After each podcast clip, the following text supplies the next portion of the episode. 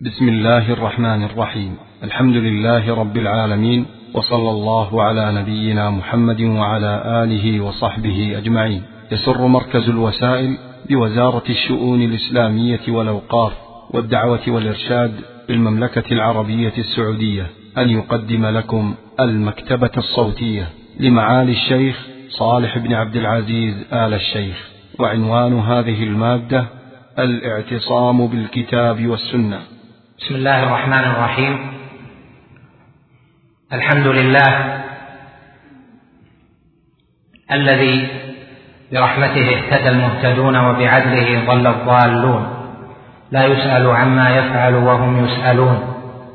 الحمد لله الذي أضل وهدى وأسعد وأشقى وأمات وأحيا وأغنى وأقنى.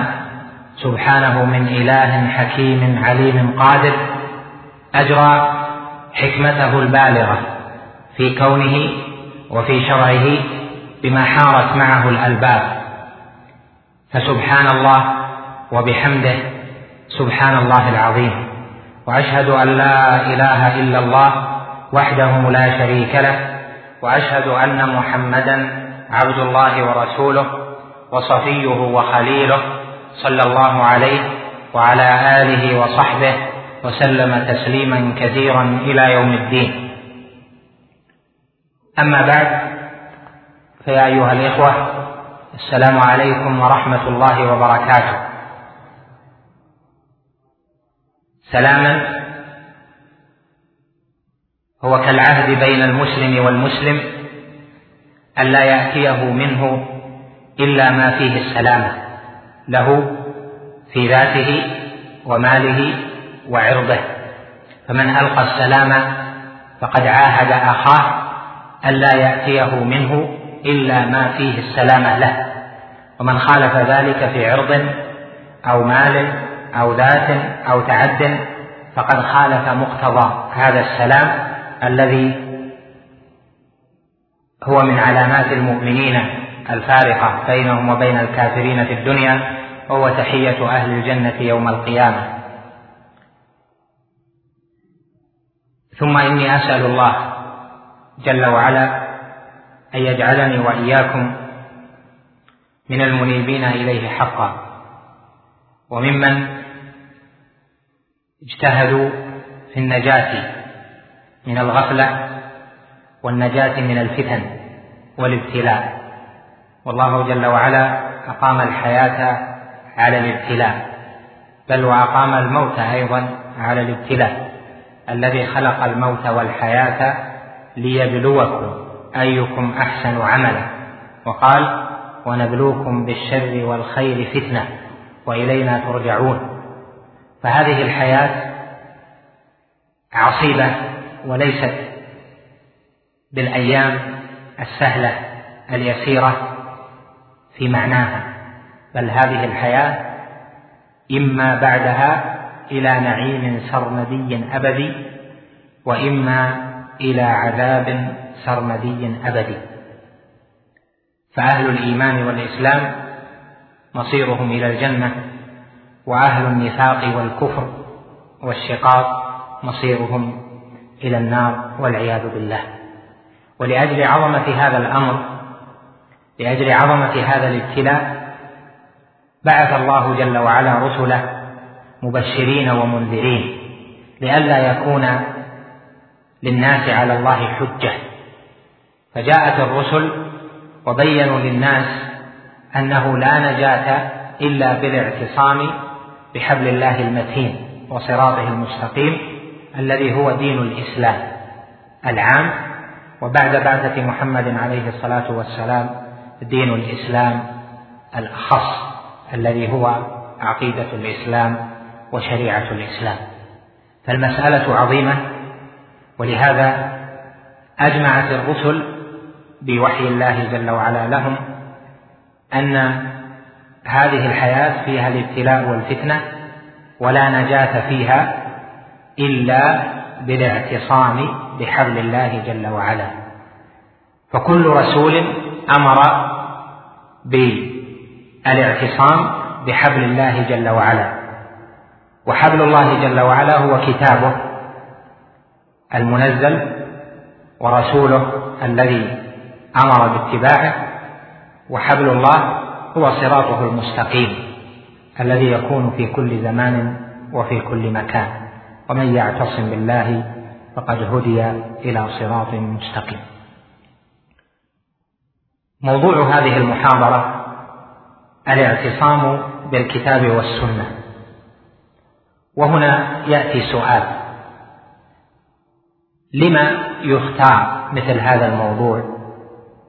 هل الكتاب والسنة الناس منها في شك؟ هل القرآن وأحاديث النبي عليه الصلاة والسلام الناس في اتباعها في تردد؟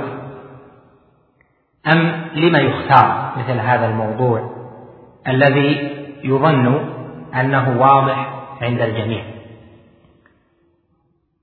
هذا الموضوع إذا عرض وهو الاعتصام بالكتاب والسنة فإن معناه جواب سؤال وهو ما المخرج من الفتنة؟ ما المخرج من التفرق؟ ما المخرج من الاختلاف في الدين وبين الناس. ما المخرج من كل ما يسوء الناس؟ المخرج جوابه الاعتصام بالكتاب والسنة. ولهذا لو كرر هذا الموضوع في كل مجلس وفي كل منتدى وفي كل جريدة ومجلة لم يكن كثيرا. ولو قيل لك كل يوم لأنه به يحصل تحصل البصيرة ويحصل الثبات. لهذا أمر الله جل وعلا عباده بالاعتصام بحبله جل وعلا. فقال سبحانه واعتصموا بحبل الله جميعا ولا تفرقوا. واذكروا نعمة الله عليكم إذ كنتم أعداء فألف بين قلوبكم فأصبحتم بنعمته إخوانا. الآية. وفي هذه الآية التي هي الأصل في هذا الباب أمر الله جل وعلا أن يعتصم بحبله. وحبل الله هو الطريق الموصل إليه سبحانه. وهذا من جهة التمثيل فإن الحبل هو ما يوصل ما يكون متدليا يوصل بين شيئين. والله سبحانه أمرنا بالاعتصام بحبله يعني أن نستمسك بهذا الحبل كما يستمسك الغريق إذا وجد ذلك الحبل وهو يخشى الغرق. ولفظة الاعتصام في الكتاب والسنة جائية على الحقيقة اللغوية فيها وهي أن يعني غير منقولة من الحقيقة اللغوية إلى الحقيقة الشرعية. وهي أن لفظ الاعتصام راجع إلى ما تحصل لك به العصمة. ما تحصل لك به العصمة ما يحصل لك به النجاة ما يحصل لك به دفع الشر عنك. ولهذا قال سبحانه قال لا عاصم اليوم من أمر الله إلا من رحم. وقال سبحانه قل من ذا الذي يعصمكم من الله؟ إن أراد بكم سوءا أو أراد بكم رحمة. الآية في سورة الأحزاب. وهذه الآيات وغيرها مما فيه لفظ الاعتصام والعصمة ينبغي أن تتأمل من جهة أن الاعتصام فيه تحقيق ما به العصمة. ولاحظ في الآية أن الله جل وعلا أمر بالاعتصام بحبله وأضاف الحبل إلى نفسه الجليلة جل وعلا فقال واعتصموا بحبل الله جميعا ولا تفرقوا. وحبل الله هو صراطه المستقيم وهو القرآن وهو السنة يعني أحاديث النبي عليه الصلاة والسلام وهو طريق المؤمنين لأن هذا من الألفاظ التي تختلف عند اجتماعها وتجتمع عند افتراقها. فلفظ البر في القرآن ولفظ التقوى ولفظ الصراط المستقيم والحبل حبل الله وأشباه ذلك معناها السير على كتاب الله جل وعلا وسنة رسوله صلى الله عليه وسلم. فرجع ذلك إلى قوله جل وعلا اهدنا الصراط المستقيم الذي هو القرآن وسنة النبي عليه الصلاة والسلام. ولأجل أن الاعتصام تعظم الحاجة إليه عند حصول الفرقة قرن الله جل وعلا في آية آل عمران ما بين الأمر بالاعتصام بحبله والنهي عن التفرق. فقال سبحانه واعتصموا بحبل الله جميعا ولا تفرقوا. والتفرق الذي نهي عنه هنا عام لأنه من المتقرر في علم الأصول أن النكرة في سياق النهي تعم والفعل المضارع تتفرق ولا تفرقوا تفرقوا.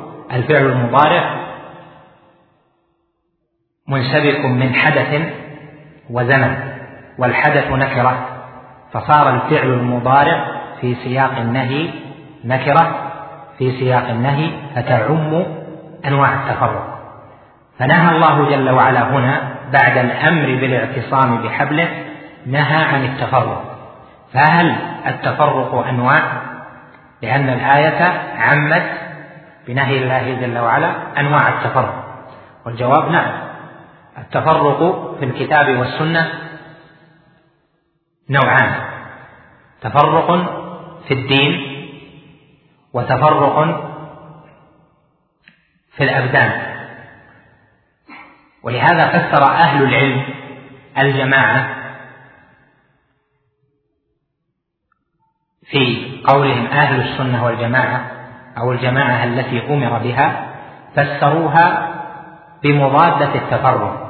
ففسرت الجماعة بأنها الاجتماع في الدين والاجتماع في الأبدان لأن التفرق الذي نهي عنه في الكتاب والسنة تفرق في الدين وتفرق في الأبدان. قال جل وعلا في هذه الآية ولا تفرقوا واذكروا نعمة الله عليكم إذ كنتم أعداء فألف بين قلوبكم. فبهذا التمثيل ظهر أحد نوعي التفرق وهو التفرق بالأبدان تفرق النفوس تفرق المعاداة ما بين أهل الملة الواحدة. إذ قال كنتم أعداء فألف بين قلوبكم. والنوع الثاني من التفرق لم يذكر في هذه الآية تنصيصا وإن كان داخلا في عموم قوله ولا تفرقوا. ذكر في آيات أخرى. كقول الله جل وعلا شرع لكم من الدين ما وصى به نوحا والذي أوحينا إليه. إلى أن قال أن أقيموا الدين ولا تتفرقوا فيه. شرع لكم من الدين ما وصى به نوحا والذي أوحينا إليه وما وصينا به إبراهيم وموسى وعيسى أن أقيموا الدين ولا تتفرقوا فيه. فإذا الاعتصام بالكتاب والسنة مخرج من التفرق في الدين ومخرج ومنجاة من التفرق في الأبدان. يعني أن الاعتصام بالكتاب والسنة هو الذي شرعه الله جل وعلا لجميع الأنبياء سنة كل نبي في أمته لأنه قال شرع لكم من الدين ما وصى به نوحا والذي أوحينا إليك. ومن المتقرر عند أهل العلم من أهل السنة والجماعة أن الذي أوحي للنبي عليه الصلاة والسلام نوعان القرآن والسنة. القرآن وحي الله جل جلاله والسنة وحي أيضا. أنزل على محمد عليه الصلاة والسلام في أحوال مختلفة. قال بعدها أن أقيموا الدين يعني الذي أوحي إليك وأوحي إلى من قبلك ولا تتفرقوا فيه. فحصل من ذلك قاعدة عظيمة وهي أن الاعتصام بالكتاب والسنة هو الدين. الاعتصام بالكتاب والسنة أعظم فرائض الإسلام وأعظم أركان الإسلام لأن حقيقته تحقيق الشهادتين شهادة أن لا إله إلا الله وأن محمدا رسول الله. وقد قال جل وعلا أن أقيموا الدين ولا تتفرقوا فيه. التفرق في الدين والتفرق في الأبدان يضادهما كما ذكرت لك الاجتماع الاجتماع في الدين والاجتماع في الأبدان. ومن العجائب الكونية التي أجراها الله جل وعلا في كونه بحكمته أن ثم تلازما ما بين الاجتماع في الدين والاجتماع في الأبدان. وأن ثم تلازما ما بين التفرق في الدين والتفرق في الأبدان. فإذا حقق العباد الأول وهو الاجتماع في الدين حقق لهم التوفيق الاجتماع للاجتماع في الأبدان. والله جل وعلا هو الذي يؤلف بين القلوب. كما قال سبحانه لو أنفقت ما في الأرض جميعا ما ألفت بين قلوبهم ولكن الله ألف بينهم. فإذا استمسك العباد بالاجتماع في الدين وعدم التفرق فيه من عليهم ووفقوا وسددوا إلى الاجتماع في الأبدان بألا يكون للشيطان عليهم مدخل. ولهذا عوقب النصارى بعقاب عظيم وهو أنهم ضربت بينهم الفرقة والخلاف.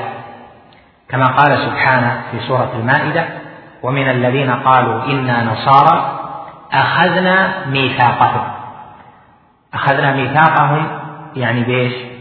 بالاعتصام بما أنزل الله جل وعلا وبما جاءهم به عيسى عليه السلام أخذنا ميثاقهم إيش اللي حصل؟ قال فنسوا حظا مما ذكروا به نسوا يعني تركوا والنسيان هنا بمعنى الترك نسوا حظا مما ذكروا به يعني تركوا نصيبا مما ذكروا به مع علمهم. فهم يعلمون ولكنهم الباب انفتح الباب ما يضر. خلوكم معي. الباب ما يضر. فتح واحد ما يضر كلهم ما شاء الله ناظروا الباب يعني. ما. فنسوا حظا مما ذكروا به. آه، بالمناسبة الإمام مالك لما كان يقرأ في المسجد يروي أحاديث النبي عليه الصلاة والسلام وكان عنده يحيى بن يحيى الليثي. راوي الموطأ عنه. والطلاب حول الإمام مالك. فصاح صائح جاء للمدينة فيل عظيم. لم يكن أهل المدينة رأوا فيلا لأن الفيل ليس موطن هذه البلاد. فخرج الطلبة كلهم ليروا الفيل وتركوا مالكا. إلا يحيى بن يحيى الليثي فقط. فقال له مالك لما؟ هل رأيت الفيل قبل ذلك قال إنما رحلت لأرى مالكا لا لأرى الفيل. وبهذا أثابه الله جل وعلا بأن الرواية التي تروى الآن في شرق الأرض وغرب وغربها المعتمدة من موضع الإمام مالك هي رواية يحيى بن يحيى الليثي مع أنه من صغار طلبته. هناك روايات ناس أكبر منه لم يكتب لها القبول ومسلم في الصحيح يروي من طريق يحيى بن يحيى الليثي. فإذا ننتبه إلى ما يشغل القلب دائما عما تقصده. قال جل وعلا ومن الذين قالوا إنا نصارى أخذنا ميثاقهم فنسوا حظا مما ذكروا به فأغرينا بينهم العداوة والبغضاء إلى يوم القيامة. وسوف ينبئهم الله بما كانوا يصنعون. قال شيخ الإسلام ابن تيمية وغيره من المحققين من المفسرين دلت الآية على أن الإغراء بينهم بالعداوة والبغضاء كان نتيجة لتفريقهم الدين وتركهم نصيبا مما ذكروا به. فالاجتماع على الدين بعدم التفريق فيما تتبع فيه الكتاب والسنة بين مسألة ومسألة أو ما بين علم وعلم أو ما بين مذهب ومذهب هذا إذا اجتمع عليه العباد ولم يرضوا بغيره أثابهم الله جل وعلا بالاستماع ويسر عليهم سبله. وأولئك الذين نسوا حظا مما ذكروا به مع علمهم وتركوا ما أنزل الله جل وعلا وما جاءت به سنة رسولهم عوقبوا بالإغراء بالعداوة والبغضاء. ولهذا تأخذ قاعدة أنها لا تحصل فرقة في الأبدان بعد اجتماع في الأبدان إلا والعباد قد فرقوا الدين وتركوا بعض أمر الدين فلم يجتمعوا عليه. وإلا لو اجتمعوا عليه واعتصموا بحبل الله جميعا ولم يتفرقوا لا يأتيهم الشيطان. ولهذا جاءت الفرقة في عهد الصحابة رضوان الله عليهم. متى؟ لما ظهرت الخوارج في عهد عثمان وحصلت مقتل عثمان رضي الله عنه بدأت الفتن في الأمة لأن اناسا كثيرين أتوا إلى المدينة وناصروا الخوارج إلى غير ذلك.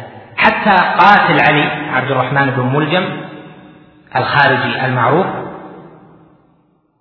كان في عهد عمر من خيرة الناس. حتى قال عمر لواليه على مصر إني مرسل لك رجلا آثرتك به على نفسي. هو عبد الرحمن بن ملجم. فافتح له دارا يعلم الناس فيها القرآن. فلما حمل عبد الرحمن الرسالة إلى والي مصر من قبل عمر رضي الله عنه قرأها اتخذ له دارا وأصبح يعلم الناس القرآن فأتاه الخلل من جهة من اختلط به حتى أغووه فأصبح من الخوارج. حصلت الفتنة لأنه لم يعتصم بنصوص الكتاب والسنة.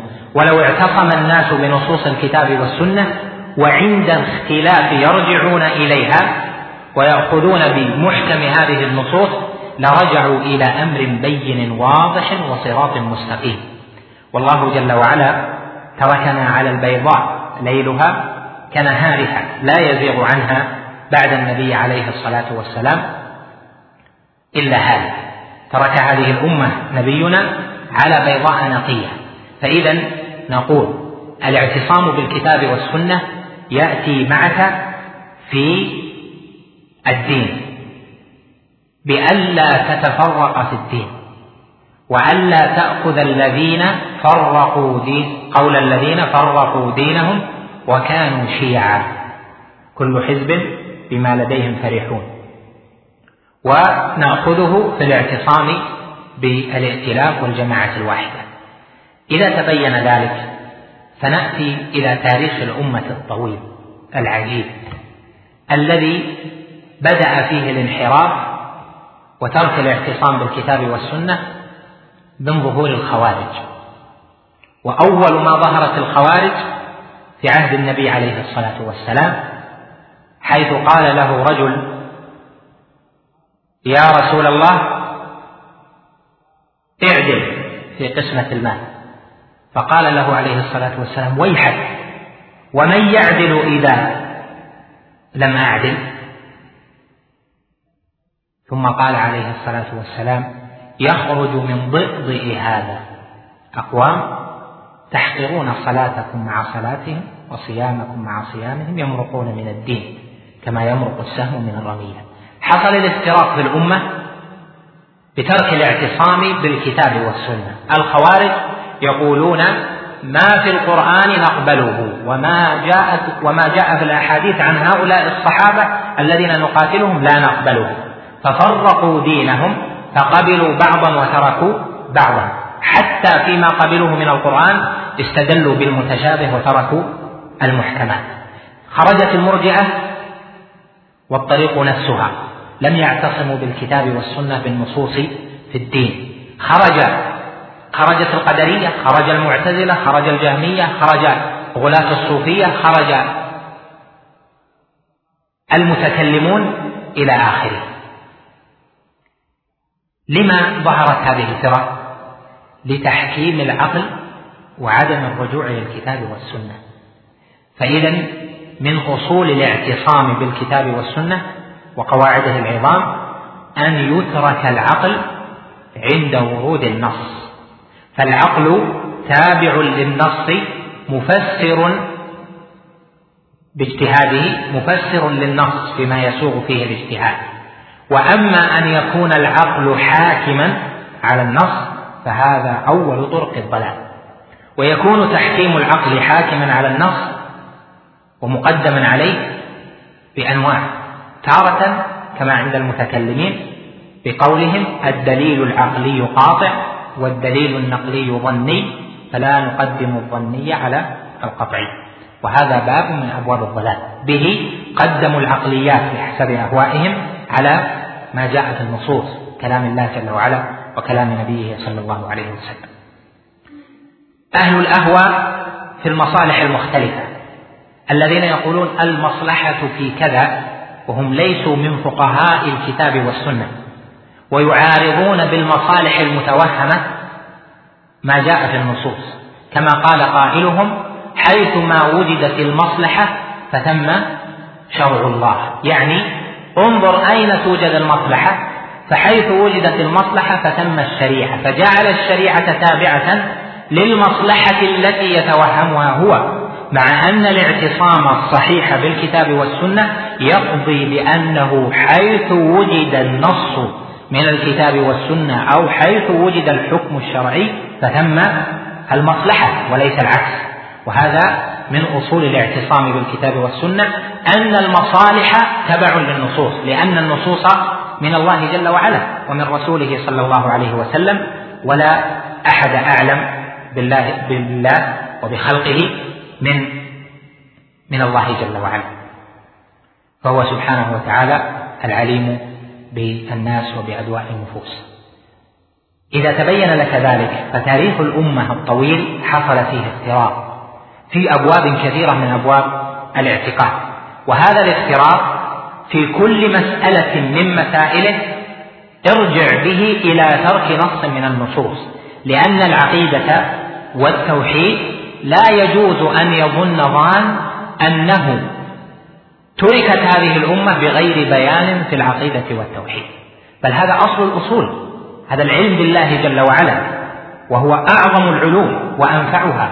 هو العلم بكتاب الله جل وعلا وما جاء فيه من وصف الله سبحانه وتعالى وذكر الأحكام الشرعية وأمور الغيب إلى آخره. لهذا ابن القيم ذكر أنفع أنواع العلوم فقال رحمه الله تعالى في نونيته بأبياته المشهورة التي يحفظها العلماء ويرددونها والعلم قال قبلها والجهل داء قاتل وشفاؤه. أمران في التركيب متفقان. نص من القرآن أو من سنة وطبيب ذاك العالم الرباني. يعني ما يأتي أحد يأخذ من الكتاب والسنة بلا عالم. كمن يذهب إلى الصيدلية ويقول أنا والله مريض بمرض كذا أعطني الدواء هذا اللون وأعطني هذا وأعطني هذا. ولا يصلح إلا لعالم كما قال ابن القيم هنا. وشفاؤه أمران في التركيب متفقان نص من القرآن أو من سنة وطبيب ذاك العالم الرباني والعلم أقسام ثلاث ما لها من رابع والحق ذو تبيان علم بأوصاف الإله ونعته وكذلك الأسماء للديان والأمر والنهي الذي هو دينه وجزاؤه يوم المعاد الثاني. والله ما قال امرئ متحذلق. ما قال امرؤ متحذلق بسواهما إلا من الهذيان. وهذا حق لأن حصول أي اختلاف وحصول أي ضلال سببه ترك الاعتصام بالكتاب والسنة. ترك اللجأ معنى الاعتصام بالكتاب والسنة ترك الالتجاء إلى النصوص من الكتاب والسنة. فإذا جاءت مشكلة إذا جاءت معضلة إذا اختلف الناس في شيء من ترك الاعتصام أن يأتي كل واحد بفهمه مع أن المسألة يكون فيها نص يكون فيها سنة يكون فيها حديث عن النبي عليه الصلاة والسلام تكون فيها آية وفيه تفسيرها الذي يبينها. فيأتي الناس بأهوائهم ولا تظنن أنك إذا قدمت رأيا قبل الرجوع إلى الكتاب والسنة أنه لن يؤثر. لأن هذا من التقدم بين يدي الله ورسوله. بل الواجب أن تخزن لسانك عن الكلام إلا فيما تعلم أنه صواب. كما قال جل وعلا لا خير في كثير من نجواهم إلا من أمر بصدقة أو معروف أو إصلاح بين الناس. تفرقت الأمة في توحيد الإلهية يعني في معنى كلمة التوحيد لا إله إلا الله وجاء التفرق من جهة أعداء هذه الأمة من الباطنية الإسماعيلية والرافضة.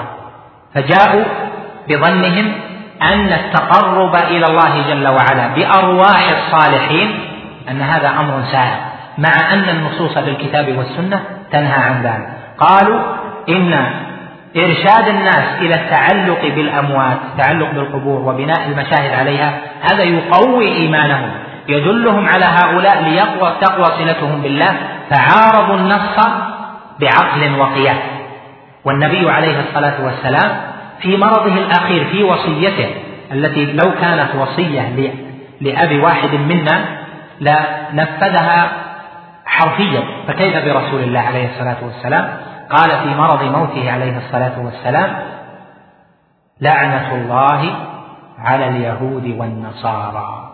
اتخذوا قبور أنبيائهم مساجد. ألا فلا تتخذوا القبور مساجد. فإني أنهاكم عن ذلك. فجاءت الأمة في افتراق عظيم تعلمون في الشرك ووسائل الشرك. هذا الافتراق لم يزل ينمى بالأهواء ويترك الاعتصام بالكتاب والسنة في مقابل الاستمساك بالعقول والآراء في هذه المسألة. وتساهل الناس في هذا الأمر حتى صار في القرون المتأخرة قد شاع في كثير من بلاد المسلمين كما هو ظاهر لكم وتعلق الجهال وجني على كثير بل أكثر جهال المسلمين بمثل هذه الأمور. الاعتصام بالكتاب والسنة كما ذكرت لك يأتي معك في كل أمر من أمور الدين. إذا التفرق الذي حصل هو بسبب ترك الاعتصام. فإذا أردت أن تجعل نصوص الاعتصام بالكتاب والسنة دليلا على رد قول الخرافيين بعامة فهذا واضح. على رد قول نفاة الصفات والمعتزلة وأشباههم فهذا صحيح. إذا أردت أن تستدل بنصوص الكتاب والسنة في الرد على من قدم العقل على النص فكل هذا داخل في الاعتصام بالكتاب والسنة. فإذا الدين في كل شبهة طرأت عليه وجاء بها إبليس ومن تبعه فهذا راجع إلى القدح في الكتاب وقدح في الاستدلال بسنة النبي عليه الصلاة والسلام. نأخذ مسارا آخر في ذلك وهو مسار الاجتماع وهو النوع الثاني من أنواع التفرق. الاجتماع أمر الله جل وعلا به في كتابه وأمر به النبي صلى الله عليه وسلم في سنته في أحاديث كثيرة. فقال عليه الصلاة والسلام في حديث العرباض بن سارية المشهور الذي في السنن إنه من يعش منكم فسيرى اختلافا كثيرا. فعليكم بسنتي وسنة الخلفاء الراشدين المهديين من بعدي تمسكوا بها وعضوا عليها بالنواجذ وإياكم ومحدثات الأمور فإن كل محدثة بدعة. وقال عليه الصلاة والسلام في التشديد في البيعة والأمر بالطاعة لولي الأمر المسلم الذي بايعه أهل الحل والعقد من المؤمنين قال في التشديد على ذلك من مات وليس في عنقه بيعة مات ميتة جاهلية. وقال من أتاكم وأمركم جميع يريد أن يشق عصاكم ويفرق جماعتكم فاقتلوه كائنا من كان.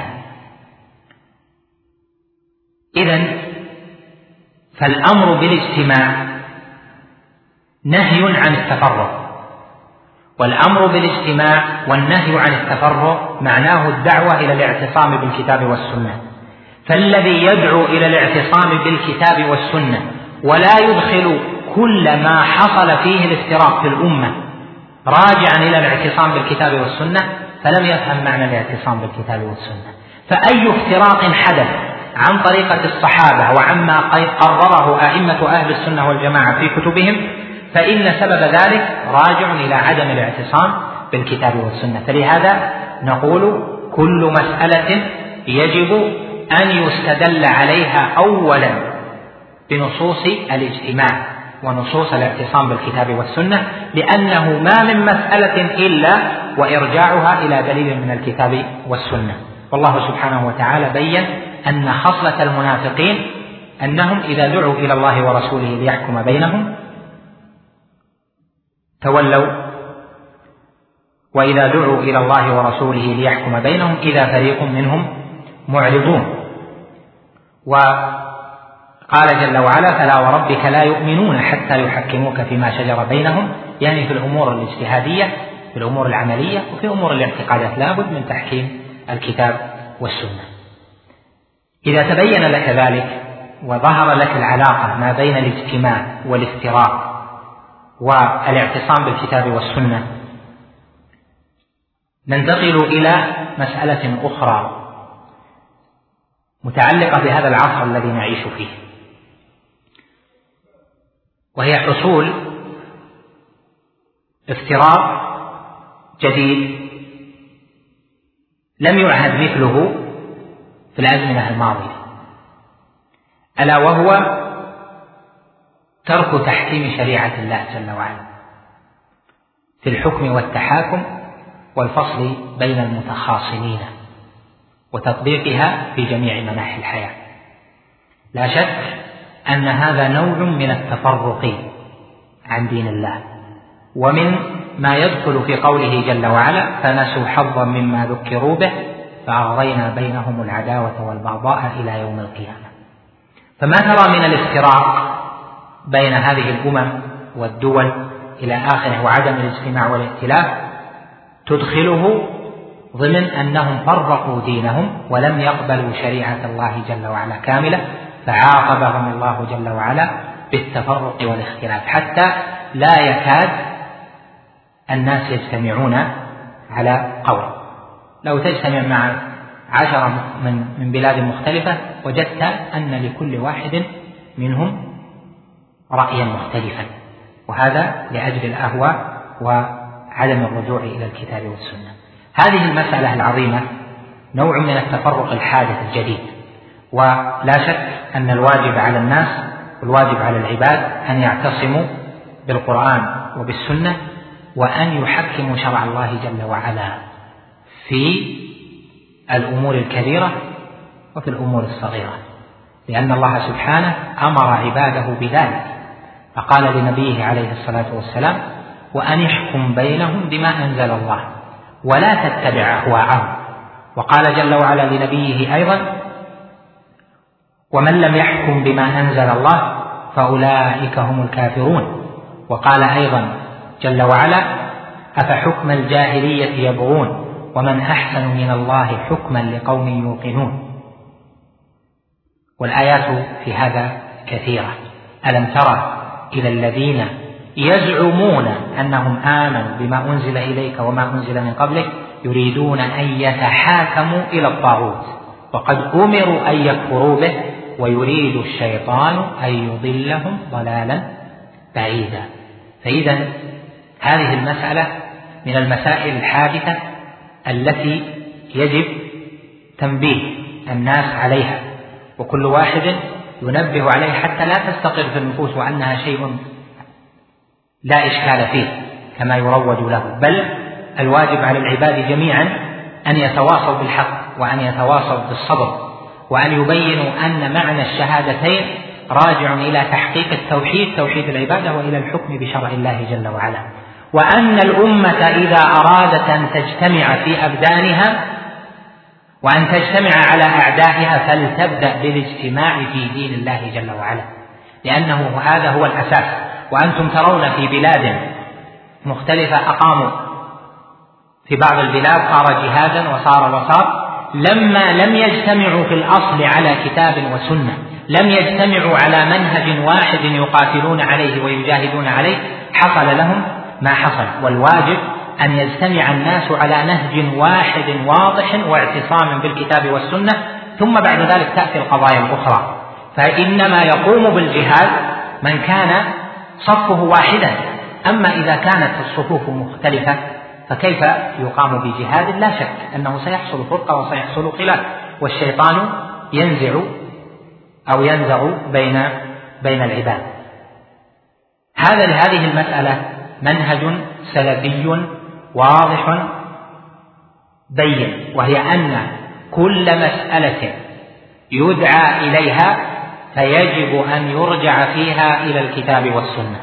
في الأمور العامة للناس جميعا وفي الأمور الخاصة.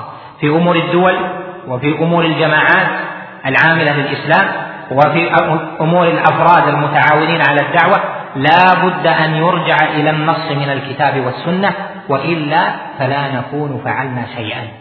سوف تكون مجرد محاولات تعود يعود أصحابها من حيث بدأوا والشواهد على ذلك كثيرة. من هنا نصل إلى كلمة للدعاة إلى الله جل وعلا.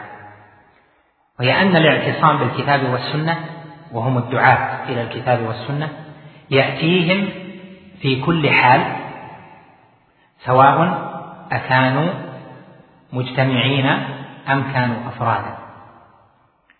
يأتيهم في أن الدعوة ميدان لمزلة الأقدام.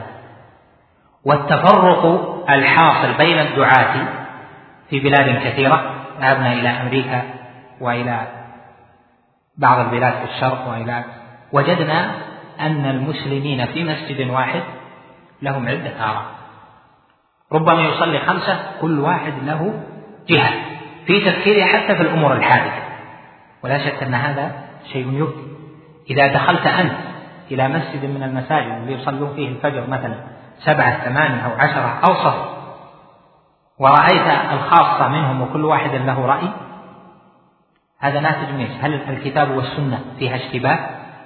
ليس فيها اشتباه، الاشتباه حاصل في المنهج.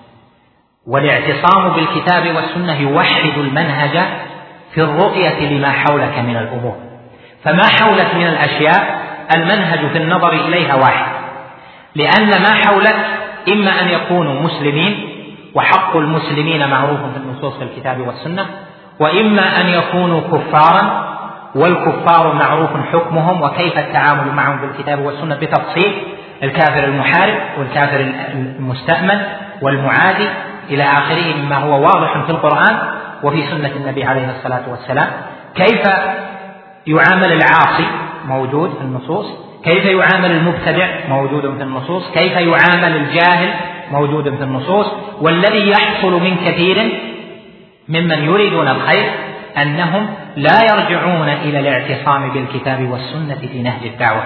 والدعوة إذا لم ينهج فيها بالكتاب والسنة فإن الأقوال والآراء ستختلف. وهل اختلاف الآراء والأقوال طبيعي؟ لا. إنما جاء من جهة ترك نصيب مما ذكر به العباد كما ذكرنا لكم في أول المحاضرة. فنسوا حظا مما ذكروا به فأغرينا بينهم العداوة والبغضاء إلى يوم القيامة. فإذا الاعتصام بالكتاب والسنة يوصى به الخاصة يوصى به الدعاة يوصى به الشباب الذين يدعون إلى الله جل وعلا يوصى به المعلمون. يوصى به أهل البلاد في شرقها وغربها وشمالها وجنوبها. إذا رجعنا إلى شيء واحد ائتلفنا واجتمعنا وكنا قوة على أعداء الإسلام. أما إذا اختلفنا وجاء الشيطان لينزع بيننا في أمور مختلفة لا شك أن هذا سوف يكون تفرقا في الدين وتفرقا في الأبدان. منهج الدعوة إلى الله جل وعلا أعظم ما يحتاج فيه إلى الاعتصام بالكتاب والسنة وذلك في مسائل. أما المسألة الأولى فهي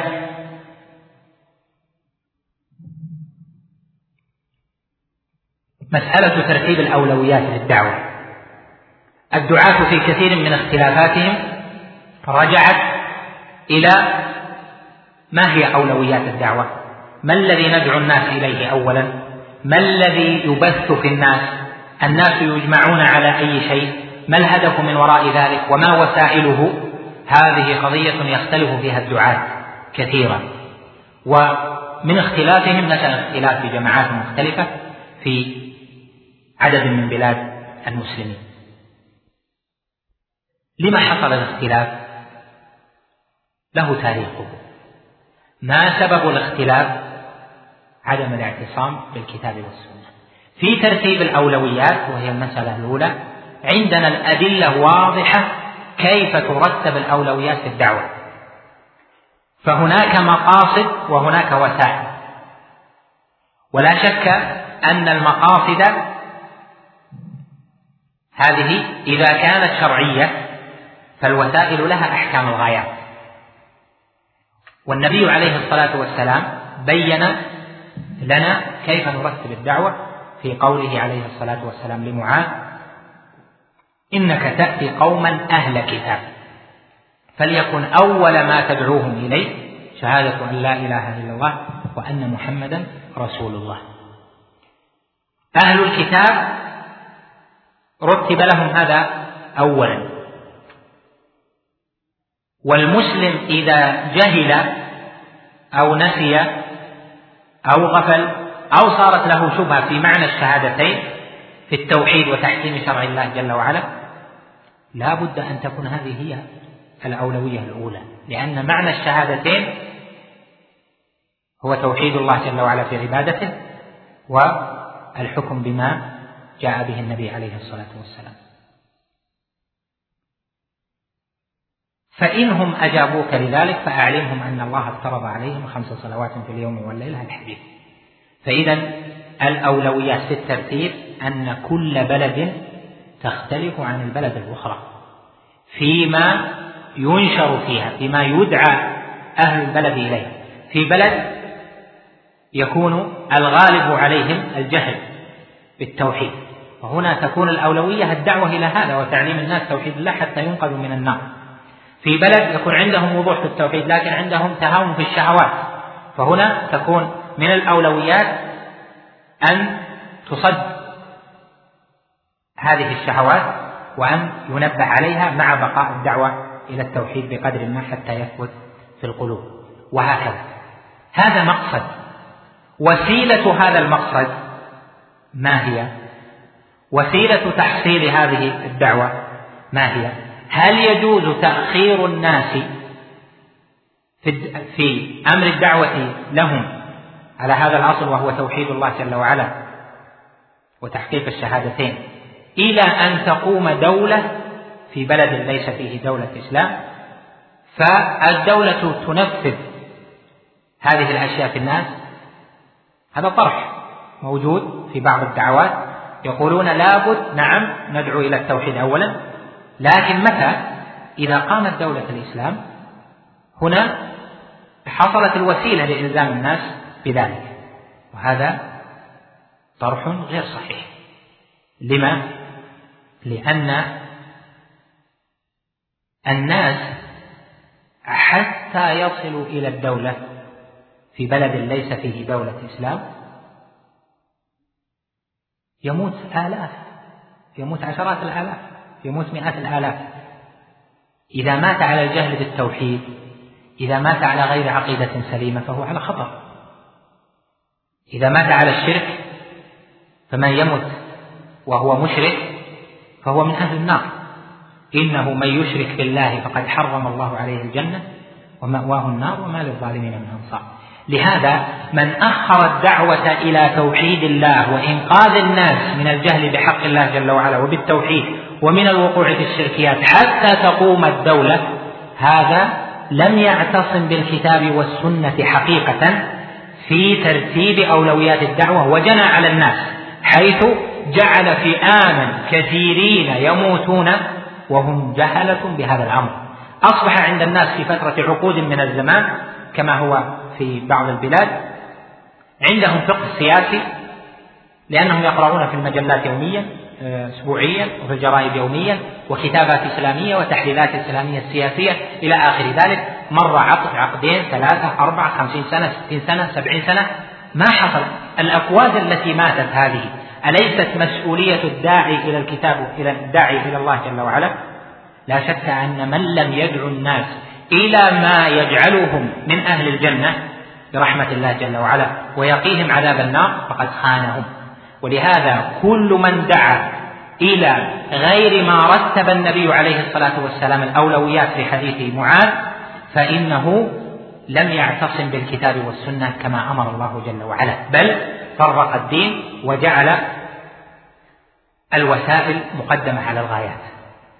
الوسيلة وسيلة لتحقيق الغاية لكن أن تنقلب الوسيلة غاية ويموت مئات وآلاف وعشرات الآلاف وأمم وأجيال حتى ننتظر ما يقال إنه إذا حصل فإنه يلزم الناس بشرع الله هذا ليس إلا من أماني الشيطان. يعدهم ويمنيهم وما يعدهم الشيطان إلا غرورا المسألة الثانية من المسائل المتعلقة بالاعتصام بالكتاب والسنة في الدعوة أن الداعية يجب عليه أن لا ينظر إلى المصالح التي تعارض ما دلت عليه الأدلة. فالدين مبني على فقه بالنصوص والأمنا على الشريعة هم الفقهاء بالكتاب والسنة. والله جل وعلا جعل لنا مثلين عظيمين. ببعثة أول الرسل نوح عليه السلام وببعثة خاتم الرسل محمد عليه الصلاة والسلام. فنوح عليه السلام مكث في قومه ألف سنة إلا خمسين عاما. والحصيلة وما آمن معه إلا قليل. أكثر ما جاء في روايات المفسرين أنهم كم كانوا قريب سبعين أو ثمانين ممن آمن مع حصيلة ألف سنة إلا خمسين عام. تسعمائة وخمسين سنة في الدعوة إلى أصل واحد وبيان واحد. والمثل الآخر محمد عليه الصلاة والسلام مكث في مكة ثلاثة عشر عاما يدعو إلى توحيد الله وفي المدينة عشر سنين بعد ذلك وفي خلال هذه الثلاث وعشرين سنة آمن معه إذ حج معه حجة الوداع أكثر من مئة ألف في ثلاث وعشرين سنة. ونوح وهو أول الرسل ومن أولي العزم من الرسل وهو أولهم بذل كل مجال في الدعوة. لكن ما أذن الله جل وعلا. فقال ربي إني دعوت قومي ليلا ونهارا فلم يزدهم دعائي إلا فرارا وإني كلما دعوتهم لتغفر لهم لاحظ القصد من الدعوة كلما دعوتهم لتغفر لهم جعلوا أصابعهم في آذانهم وأصروا واستكبروا استكبارا ثم إني واستغشوا ثيابهم وأصروا واستكبروا استكبارا ثم إني دعوتهم جهارا ثم إني أعلنت لهم وأسررت لهم إسرارا إلى آخر الآيات في سورة نوح. ألف سنة إلا خمسين عاما هذا مثل. والمثل الآخر ثلاثة وعشرين سنة الحصيلة مئة ألف. فإذا في هذين المثلين يظهر لك أن الدعوة في اعتصام الداعي بالكتاب والسنة أن ينظر إلى دعوته إلى أي شيء يدعو أما هدى الناس فليس عليك هداهم ولكن الله يهدي من يشاء. لهذا من أصول أهل العلم أن الاغترار بالكثرة هذا من وسائل الشيطان. أن يغتر بالكثرة في مدح ما عليه الكثرة. قد يكون الكثرة على باطل وقد يكون الكثرة على حق إذا كان إذا كانوا على الكتاب والسنة وقد يكون الكثرة على باطل.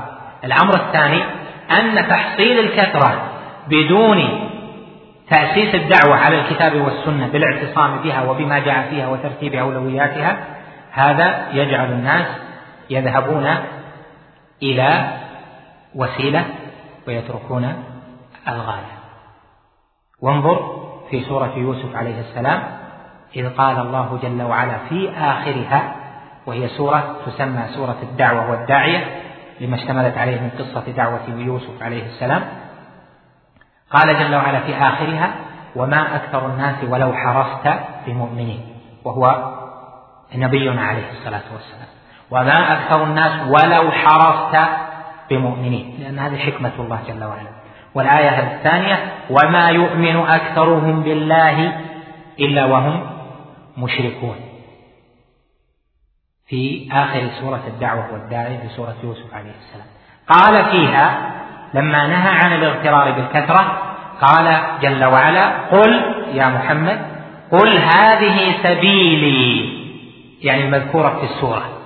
فسبيل محمد عليه الصلاة والسلام في الدعوة هي سبيل الأنبياء والمرسلين جميعا خذها من سورة يوسف عليه السلام. كما قال جل وعلا في أثناء السورة إن الحكم إلا لله أمر أن لا تعبدوا إلا إياه. ذلك الدين القيم. هذه هي الدعوة. دعا إليها يوسف في السجن ودعا إليها لما قابل الملك ودعا إليها لما أتى إخوة وهكذا حتى دعا الله جل وعلا بالدعاء الأخير توفني مسلما وألحقني بالصالحين. قل هذه يعني المذكور في السورة هذه سبيلي. أدعو إلى الله على بصيرة والبصيرة هي الاعتصام بالكتاب والسنة.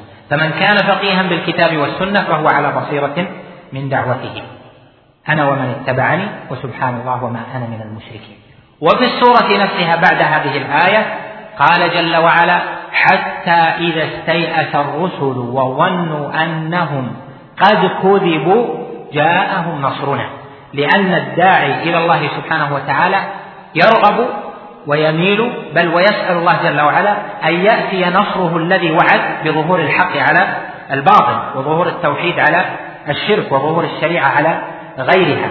يرغب قال جل وعلا حتى إذا استيأس الرسل وظنوا أنهم قد كذبوا جاءهم نصرنا فنجي من نشاء ولا يرد بأسنا عن القوم المجرمين. ثم قال جل وعلا لقد كان في قصصهم عبرة لأولي الألباب. نأخذ من ذلك أن الداعية إلى الله جل وعلا في أموره يجب عليه أن يعتصم بالكتاب والسنة. قبل الناس ما قبلوا لا يستعجل لا يترك الصبر والاستمساك بالكتاب والسنة لأجل عدم قبول الناس. الناس يستخفون لأن أكثر الناس لا يوقنون. والله جل وعلا نهى نبيه وهو المصطفى عليه الصلاة والسلام بقوله فاصبر إن وعد الله حق ولا يستخفنك الذين لا يوقنون. الذين لا يوقنون يستخفون. لو عملت كذا صار أحسن لو عملت كذا صار أحسن وصار أحسن من انتشار وهي أوهام. هنا ننظر إذا كان أحسن مع مع تأييد الكتاب والسنة فهذا مبارك. إذا كان أحسن مظنون وهو مضاد للكتاب والسنة فليس ثم قبول له. المسألة الثالثة في هذا الأمر أن الاعتصام بالكتاب والسنة يأتي معك في أنواع التعامل كما ذكرت لك. ولهذا يجب علينا أن نضع منهجا واضحا في أنواع التعامل. وكنت ألقيت كلمة فيما مضى يعني محاضرة في أنواع التعامل المختلفة وقسمت الخلق إلى اثني عشر قسما. كل نوع منها أو إلى عشرة أقسام الوهم مني. كل قسم منها ابتداء من نفسك. له نصوص تحكم التعامل معه.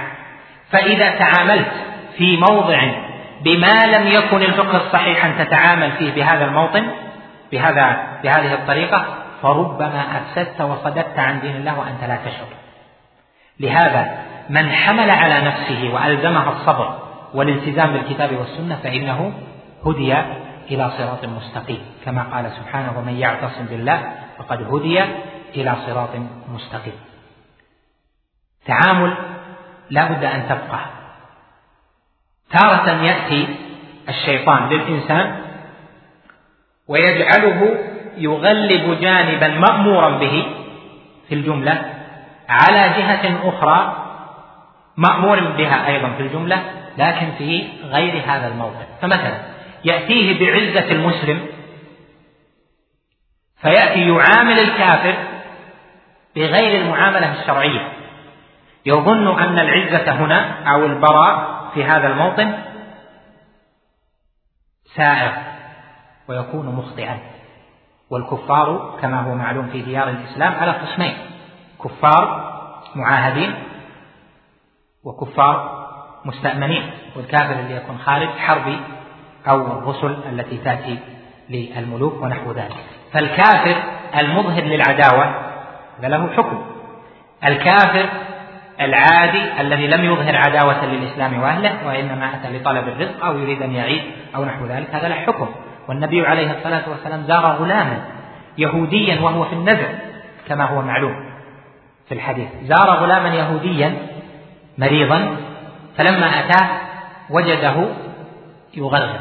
إن وجده آه، ليس يغرغر ولكن وجده في الحالة الأخيرة يعني قريبا من وفاته.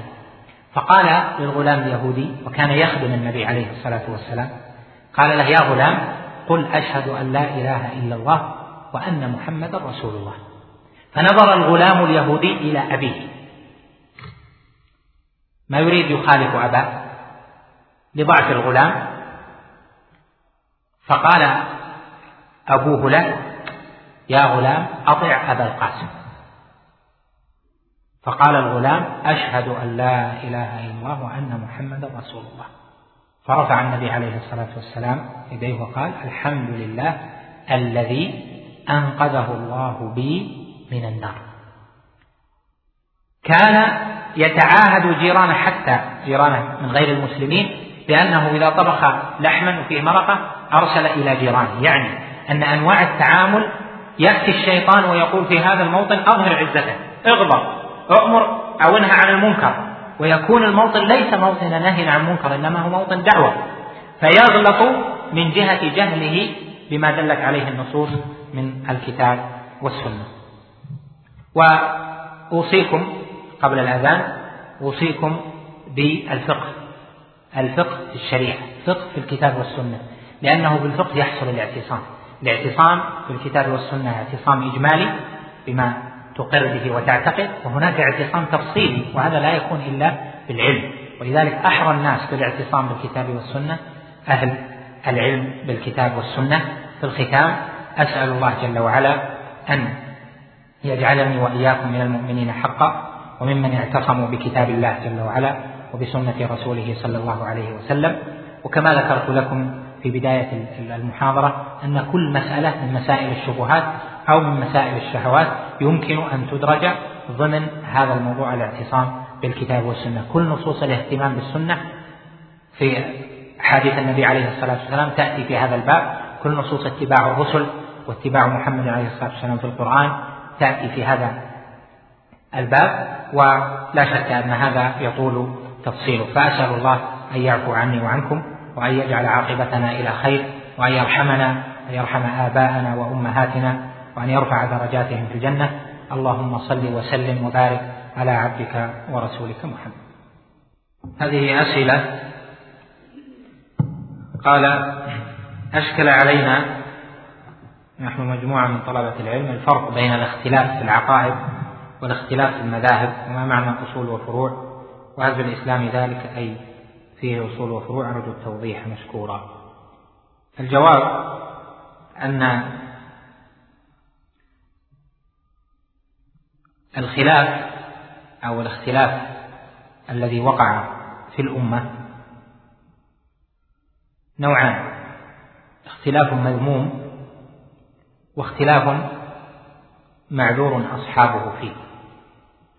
والاختلاف المذموم هو كل اختلاف ليس له ليس لصاحبه مستند من النص.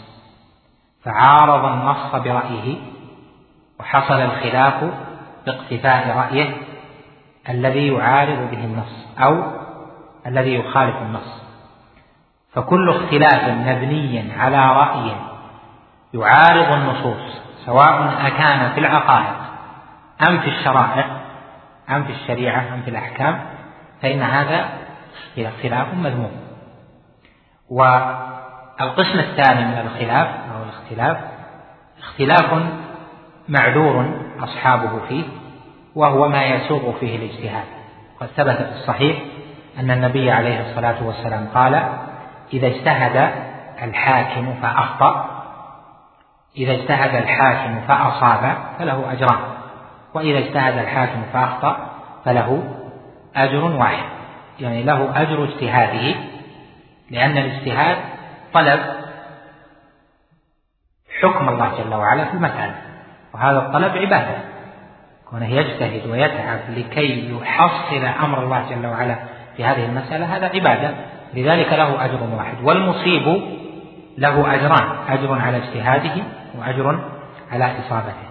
فما ساغ فيه الاجتهاد وهو ما لم يأتي النص به أو كان النص محتملا. النص نعني به الدليل ليس النص عند الأصوليين لأن النص ليس محتملا وإنما النص بمعنى الدليل. إذا كان الدليل محتملا دليل السمع من الكتاب والسنة محتملا فاجتهد المجتهد في أن يكون في فهمه للدليل. هذا فيه سعة لهذا نعذر الأئمة في اختلافهم. قد ألف ابن تيمية رحمه الله كتابا سماه رفع الملام عن الأئمة الأعلام وعلماء المذاهب في وقته رضوا هذا الكتاب منه أو هذه الرسالة لثنائه فيها وعذره للعلماء الذين اختلفوا في المسائل الفقهية. إذا تقرر ذلك فمسائل العقيدة الإيمان التوحيد العقائد بعامة هذه ليس في المسألة نص واحد دليل واحد إنما في كل مسألة في أدلة متكاثرة إما عامة أو خاصة إما إجمالية أو تفصيلية. ولهذا لا مجال للاجتهاد في مسائل الغيبيات البتة ولا مجال للاجتهاد في أمور العقائد والتوحيد لأن هذه النصوص فيها كثيرة والاجتهاد أو الرأي فيها معناه مخالفة الدليل من الكتاب والسنة لأنه ليس في المسألة دليل واحد نقول نزع هذا فيه إلى كذا وهذا نزع إلى كذا. ثم تنزل هذه المسائل على فهم الصحابة ونحن نعلم قطعيا أن الصحابة رضوان الله عليهم ما اختلفوا في مسائل العقيدة والتوحيد وإنما اتفقوا على ذلك. وما ينقل أنهم اختلفوا في مسألة أو مسألتين في كل مسألة لها تخريجها عند المحققين من أهل العلم. ونقصد بها المسائل الأصلية أما الوسائل فقد يكون فيه فيها اجتهادات أو بعض تطبيقات السنن كفعل مثلا ابن عمر في مسائل وابن عباس في في بعض المسائل المعروفة التي هي ليست من التوحيد والعقيدة وإنما من المتممات. كذلك أو من الوسائل. المسائل الفقهية سماها بعض أهل العلم الفروع وتقسيم الشريعة يعني الدين إلى أصول وفروع يكون صوابا باعتبار ويكون خطأ باعتبار. فيكون صوابا إذا كان التقسيم فنيا بأن يكون الأصول ما عليه المعتمد والرجوع من المسائل العقدية والعملية يعني المسائل الكبار العامة العقيدة كلها أصول وكذلك المسائل العملية الكبار المجمع عليها فتكون أصولا وتكون المسائل الأخرى فروع باعتبار أنها فروع للأصول كتقسيم. حتى يفرق بين مسألة العقيدة ومسألة مسائل الأحكام. إذا كان هذا المراد هذا تقسيم لا بأس به. ولهذا ألف عدد من علماء علماء السنة وأتباع المذاهب ألفوا كتبا اسموها الفروع كالفروع لابن مفلح وغيره يريدون منها الأحكام الفقهية. التقسيم الثاني أن تقسم إلى أصول وفروع ويقال فيها الأصول يكفر المخالف فيها والفروع لا يكفر المخالف فيها وهذا باطل لأن الفروع منقسمة إلى ما يكفر المخالف فيه أيضا وما لا يكفر وهذا تقسيم للمعتزلة. أو يقال الأصول ظنية الأصول قطعية والفروع ظنية وهذا أيضا ليس بصحيح. أخذوا منه أن الأحاديث أحاديث الآحاد لا تثبت بها الأصول والعقائد وهذا باطل إلى غير ذلك من المذاهب. لهذا تجد في كلام بعض الأئمة إنكار لهذا التقسيم وأن التقسيم في الدين إلى أصول وفروع باطل وهذا ليس على إطلاقه كما ذكرت لك يقر هذا التقسيم باعتبار ولا يقر باعتبار آخر. فتحصل لك من الجواب أن كل خلاف في العقيدة عما كان عليه السلف الصالح الذين قالوا بأقوالهم متابعة للنصوص فهو افتراق في الدين وخطأ واختلاف لا يعذر أصحابه به. تعد على الشريعة. وأن الاختلاف في الفروع التي يسع فيها الاجتهاد هذا لا بأس به وللمجتهد أجره إذا اجتهد فيما يسوغ فيه الاجتهاد. السؤال الثاني يقول: كيف يمكن لطالب العلم أن يتوصل إلى قضية ما أنها من منهج السلف؟ مع تشعب الأقوال وكثرتها؟ الجواب أن منهج السلف يعرف بكتب السلف وهذه المسألة في تفصيلها واضحة فهناك أصول عامة وقواعد عظيمة قررها أهل السنة والجماعة في كتبهم من أئمة الإسلام كسفيان والأوزاعي ومالك والشافعي وأحمد وإسحاق وابن خزيمة وسائر الأئمة فيما دونوه في كتبهم. نقلوا عن الصحابة فهمهم للدين ونقلوا عن التابعين فهمهم للدين ودونوا ذلك على ما دلت عليه النصوص من الكتاب والسنة. فتفهم وتأخذ منهج السلف الصالح من كتب أهل السنة والجماعة أتباع السلف الصالح. أهل الحديث والأثر. هذه فيها صفاء العقيدة وصفاء المشرب واعتمادهم على أمور واضحة لا لبس فيها يعني من حيث الاستدلال. وهذا من حيث الإطار العام. أما تفصيلات منهج السلف فهذه مسألة الناس فيها طرفان ووسط كما يقال في غيرها من المسائل. منهم من يغلو ويجعل منهج السلف محددا في كل قضية. وهذا غير صحيح. فإن السلف في بعض المسائل اختلفوا في تنزيل بعض الأمور على الواقع. ومنهم من يجفو ويقول منهج السلف مضطرب فخذ أنت أصل من الكتاب والسنة أو خذ ما تجتهد فيه كما هو حال طوائف. وهذا لا شك أنه جفا لأن الواجب اتباع النصوص على هدي ونهج السلف الصالح رضوان الله عليه. والوسط أن المسائل المختلف فيها هل هي من منهج السلف أم ليست من منهج السلف؟ يجب ردها إلى أهل العلم الراسخين في العلم لأنها تكون من النوازل التي تحتاج إلى تحقيق مناط فيها. والله جل وعلا أمر عباده أن يرجعوا إلى أهل العلم فقال فاسألوا أهل الذكر إن كنتم لا تعلمون. فإذا لم تعلم فاسأل أهل الذكر. ومنهج السلف كما ذكرت لك قد تجد منه مسائل مشكلة وهي في المواقف في الحكم في التعامل وهذا راجع إلى ما ذكرته لكم آنفا في المحاضرة اللي قبل هذه من أن كلام السلف قام على بساط حال عاشوه والفقيه لا بد أن ينزل منهجهم على بساط حالهم. فإذا نزل منهجهم على غير بساط حالهم فإنه لا يفقه منهج السلف. تجد أن بعض الأئمة له كلام اجتهد فيه ربما يعارض بعض كلام السلف لكن في الحقيقة يتفق معه.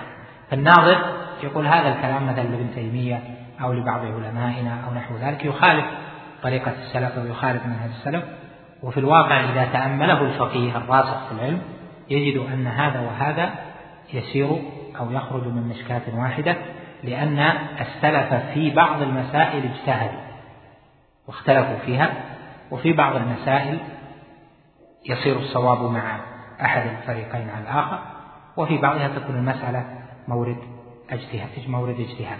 أما في مسائل العقيدة ولله الحمد والمنهج العام تأصيل العام فلم يختلفوا في ذلك. المسألة مهمة وإذا جهل شيء فلا بد أن يرجع فيه الشباب إلى أهل العلم الراسخين فيه حتى يأتلف الناس تجتمع الكلمة ولا يتفرق. أهل الملة الواحدة. ما الفرق بين العلم والمعرفة؟ العلم والمعرفة هذه التفريق تقرأه في شروح الكتب والحواشي آه، وفي التفسير أيضا. العلم والمعرفة ليس بمترادفين لأنه على التحقيق في اللغة لا ترادف في اللغة العربية البتة. بل تختلف الألفاظ تشترك في أصل معنى ويزيد لفظ على لفظ في بعض المعنى الذي دل عليه اللفظ. فالمعرفة والعلم لفظان يجتمعان في إدراك المعلوم. ويفترقان في أن العلم قد لا يسبقه في أن العلم قد لا يسبقه جهل. والمعرفة قد يسبقها جهل. ولهذا أطلق العلم في صفات الله جل وعلا ولم تطلق المعرفة. هذا من جهة. والجهة الثانية في التفريق أن العلم والمعرفة يتواردان في أن كل منهما أدرك به الشيء بطريقة من طرق الإدراك. يتواردان يعني يتفقان لأنهما يدرك بهما الشيء بطريقة من طرق الإدراك. قد يدرك بالحواس قد يدرك بالكتابة قد يدرك بالتعلم إلى آخره. فهذا وهذا يشتركان في أن وسيلة إدراك العلم ووسيلة إدراك المعرفة واحدة. وأقول هذا تبعا لما قاله أهل العلم في ذلك لأن المناطق بل الفلاسفة يسمون إدراك المعلومات بنظرية إيش؟ نظرية المعرفة. نظرية المعرفة هذه عندهم يعني تلقي المعلومات والله أخرجكم من بطون أمهاتكم لا تعلمون شيئا. الآية. الفرق الثالث بينهما أو الناحية الثالثة التي يعرض فيها إلى العلم والمعرفة أن العلم في القرآن محمود. وأما المعرفة فإنما وصف بها أهل الإنكار. وصف بها اليهود وصف بها أهل الكتاب وصف بها أهل الكفر والإشراك. فقال جل وعلا يعرفونه كما يعرفون أبناءهم. وقال سبحانه وتعالى يعرفون نعمة الله ثم ينكرونها. فجاءت لفظة المعرفة في الكتاب مذمومة. إذ نسبت المعرفة لحال مذمومين. فكأن المعرفة في القرآن علم أنكر. أدرك ثم أنكر. فعرف ثم أنكر. لهذا قال يعرفون نعمة الله ثم ينكرونها وأما العلم فهو محمود في القرآن. في السنة جاءت المعرفة في بعض الأحاديث بلفظ عرف في نحو قول النبي عليه الصلاة والسلام في حديث معاذ الذي ذكرناه فليكن أول ما تدعوهم إليه شهادة أن لا إله إلا الله وأن محمد رسول الله فإنهم عرفوا ذلك فأخبرهم. في مسلم الحديث. فهن فهنا قال فإنهم عرفوا ذلك يعني أدركوا ذلك. لهذا قلنا لك في الفروق أولا قد يسبقها علم آه، أن المعرفة قد يسبقها جهل والعلم قد لا يسبقه جهل. على العموم التفريق هذا يعني أقول يطول الكلام يطول الكلام عليه. هذه من تأخذها من الشروح المطولة.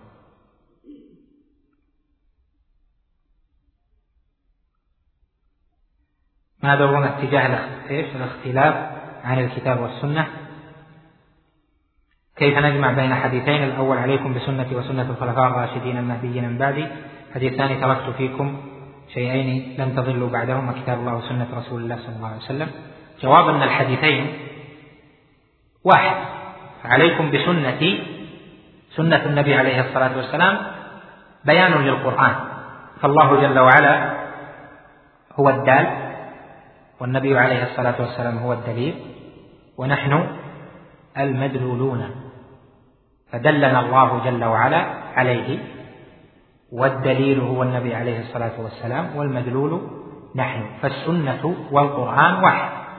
فعليكم بسنتي يعني عليكم بكتاب الله جل وعلا وسنة النبي صلى الله عليه وسلم لأن السنة بيان للقرآن.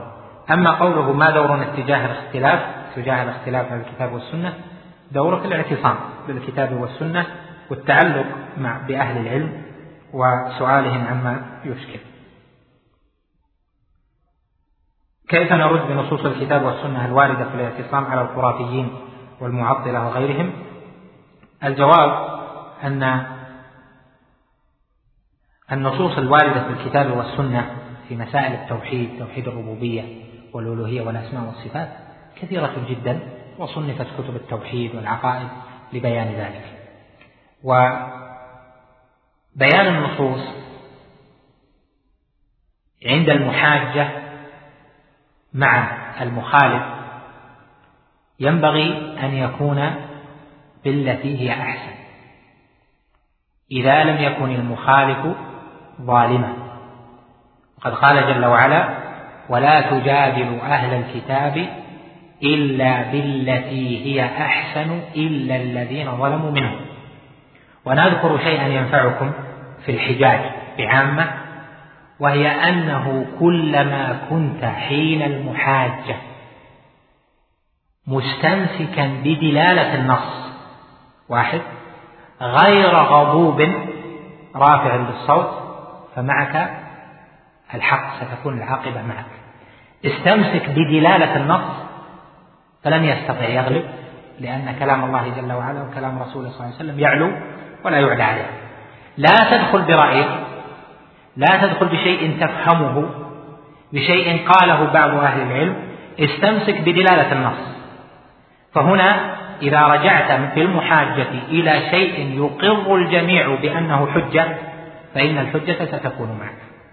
يأتي الخلاف في أنك تقدم أحيانا قول عالم على الدليل. تقول الإمام الفلاني قال كذا.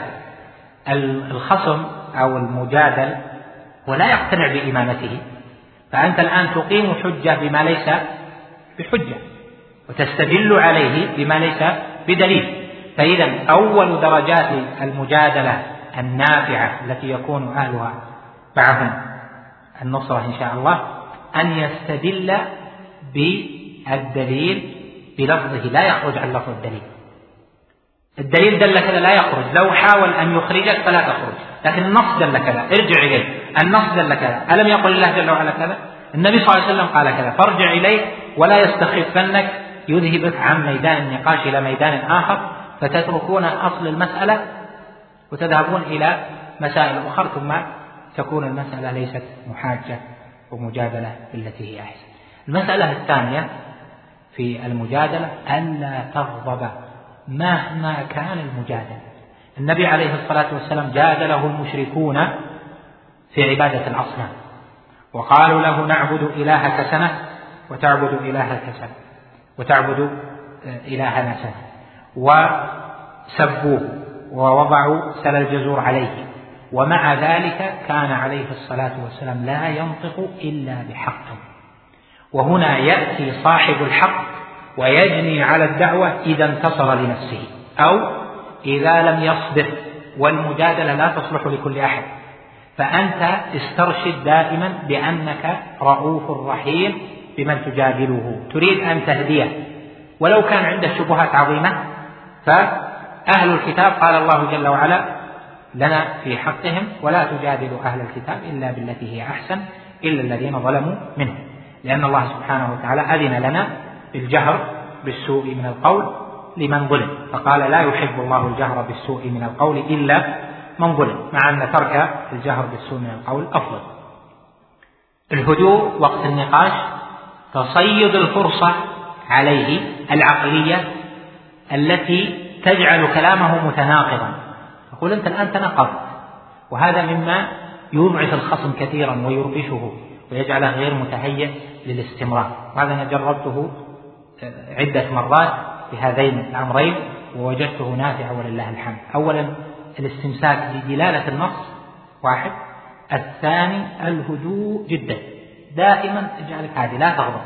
رفع الصوت هذا في المجادلة ينسحب منه لأنه ربما تتهم أو يتهم الحق الذي معك من نصرة الكتاب والسنة بأنه لولا الضعف لما رفعت صوتك. اللي قوي متمكن يدلي بالحجة. ويقول بها. ولهذا قيل للإمام مالك رحمه الله الرجل تكون عنده السنة أيجادل عليها؟ قال لا. ينطق بالسنة فإن قبلت منه وإلا سكت. والله جل وعلا يهدي من يشاء إلى صراط مستقيم.